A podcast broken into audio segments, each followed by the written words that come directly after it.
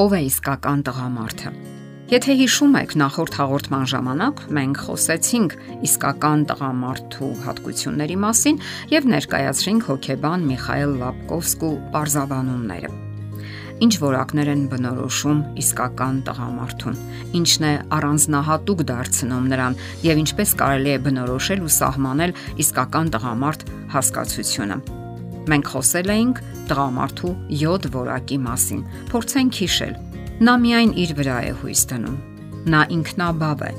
Նա անկախ է։ Նա օգնություն չի խնդրում։ Նա չի գնում փողզիչումների։ Նա չի համեմատում։ Ընթանում է իրեն այնպիսին, ինչպիսին կա։ Շարունակենք զրույցը։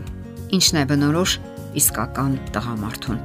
Նա չի վազում կանանց հետևից։ Հնարավոր է կանայք այնքան էլ համաձայն չլինեն այս սահմանման հետ, սակայն հոգեբանի կարծիքով կայացած ուժեղ տղամարդը չպետք է նվաստանա եւ վազի այն կնոջ հետևից, ով մերժում է իրեն։ Դա ոչնչացնում է նրա անznավորությունը Այս ամենը միայն անուղակիորեն կապ ունի սիրո հետ։ Եթե կինը չի ընդունում սիրատացությունը, ապա կարիք չկա ուժով նվաճելու նրան։ Հարկավոր է որոնել ու գտնել մեկ ուրիշին, ով կընդունի եւ կպատասխանի ձեր սիրուն։ Իսկական տղամարդը խուսափում է միջին տարիքի հոգեբանական ճգնաժամից կամ էլ դուրս է եկել այդ վիճակից հնարավորինս քիչ կորուստներով։ Սա իհարկե գալիս է ավելի ուշ կապված տարիքային փոփոխությունների հետ։ Հաջորդը. Իսկական տղամարդը վստահաբար գիտի, որ կինը նույնպիսի անznավորություն է, ինչպիսին ինքն է։ Այսինքն հավասարազոր հարաբերություններ են տիրում իրենց միջև եւ ոչ թե ուժի դիրքերի վրա հիմնված հարաբերություններ։ Դա ինչ մենք մոտավորապես փորձեցինք parzabanել իսկական տղամարդուն բնորոշ հատկանիշները։ Այժմ խոսենք հոգնած մաչոյի եւ նրան բնութագրող նշանների մասին հասարակության մեջ եւ նույնիսկ ընտանիքներում հաճախ որպես տղամարդու մոդել ընդունվող հակատղամարդկային մի վարքագծի մասին։ Դա հավերժ հոգնած մաչոն է, ինչպես նշեցինք, ով ոդկը տուն դնելուն պես փռվում է բազմոցին եւ կարճում հերոստացույցից։ Նա ոչ թե հոգնած է, այլ տնեցիների տեսադաշտում հանդես է գալիս որպես տղամարդ եւ ընտանիքը կերակրող Նրա դիրքորոշումը այսպիսին է. ամեն ինչ ինձնով է, ես եմ ձեզ ստեղծել, ես եմ կերակրում բոլորիդ եւ վերջի վերջո ես բոլորիցդ հարգանք եմ պահանջում։ Եվ ահա նա այդ դիրքով պարկած է։ Կտկտացնում է հերակառավարման վահանակը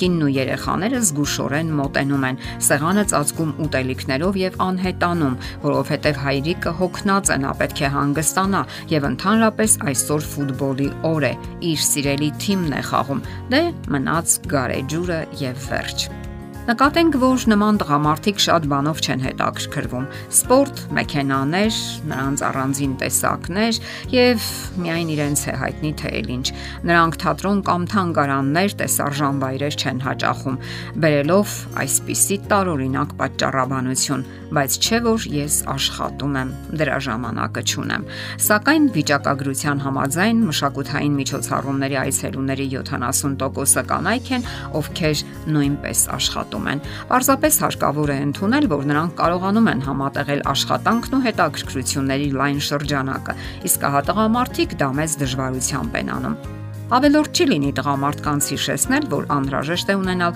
մշակութային տպավորություններ, ձգտել դեպի նորը, զգալ ու հասկանալ երաժշտությունը, ընկալել գեղանկարչությունն ու ընդհանուր առմամբ չխորանալ միայն գadgetների վրա, որովհետև այդ ամենը նույնպես վկայում է կայացած տղամարդու որակների մասին։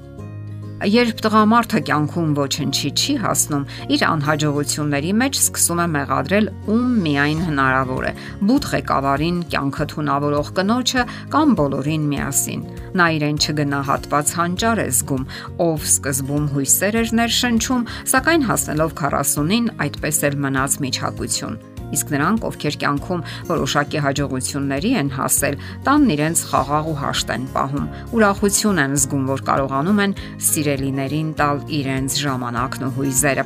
Նրանց ուրախությունն ու հաջողությունն այն է, որ գրկեն կնոջը, հասցնեն երեկոյան հեքիաթ կարդալ երեխաների համար, ասել, որ սիրում են նրանց բոլորին, եւ որքան էլ դա տարօրինակ թվա, այդպես կարողանում են անել միայն ամենաուժեղ տղամարդիկ։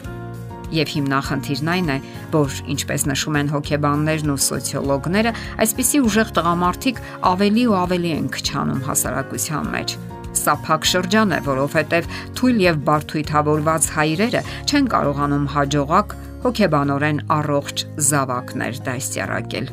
Ահա որ խիստ վարվում են թույլ, չդրսևորված բարթույթների մեջ խրված հայրերը, որոնք դաժան վերաբերմունք են դրսևորում զավակների հանդեպ, պահանջում են, որ նրանք կռվազան լինեն, զբաղվեն սպորտի մարտական արվեստի տեսակներով՝ բոքս, ըմբշամարտ, ֆուտբոլ, կարատե եւ այլն։ Լավ է, երբ երեխաներն ուժեղ են եւ կարողանում են իրենց դրսևորել։ Իսկ եթե չեն կարողանում, այդ դեպքում նրանց թույլիկ ածականն են կպցնում, դաժան ծաղրի են թարկում Իսկ ինչ հույս ունեն այդպիսի հայրերը, որ իրենց տղան անմիջապես պետք է սասունցի Դավիթը դառնա։ Ցավալի է, սակայն երբեմն այսպես են վարվում նաև մայրերը, ովքեր հատկապես հայրերի բացակայության պայմաններում փորձում են սեփական խստությամբ ու դաժանությամբ դասյարակել երեխաներին։ Սակայն այսպես երբեք հնարավոր չէ հաջողության հասնել ճնշելով, նվաստացնելով կամ քոթակելով կարելի է մեծացնել միայն նյարդային, դաժան, հիստերիկ, ագրեսիվ ու աշխարից վիրավորված անznավորություն։ Նա կսկսի բողոքել բոլորից՝ կանանցից, համադասարանցիներից, աշխատակիցներից, վարորդներից, իրենից եւ վերջապես ցեզանից։ Նրա հիմնական նպատակը կդառնա վրեժխնդրությունը իր մանկական նվաստացումների ու տարապանքների համար։ Նա կատի թե իրեն, թե աղջիկներին, ինչպես նաև կվախենա տղամարդկանցից եւ արդյունքում հասարակության մեջ կպակասեն իսկական տղամարդիկ։ Եթերում է ընտանիք հաղորդաշարը։ Հարցերի եւ առաջարկությունների համար զանգահարել 033 87 87 87 հեռախոսահամարով։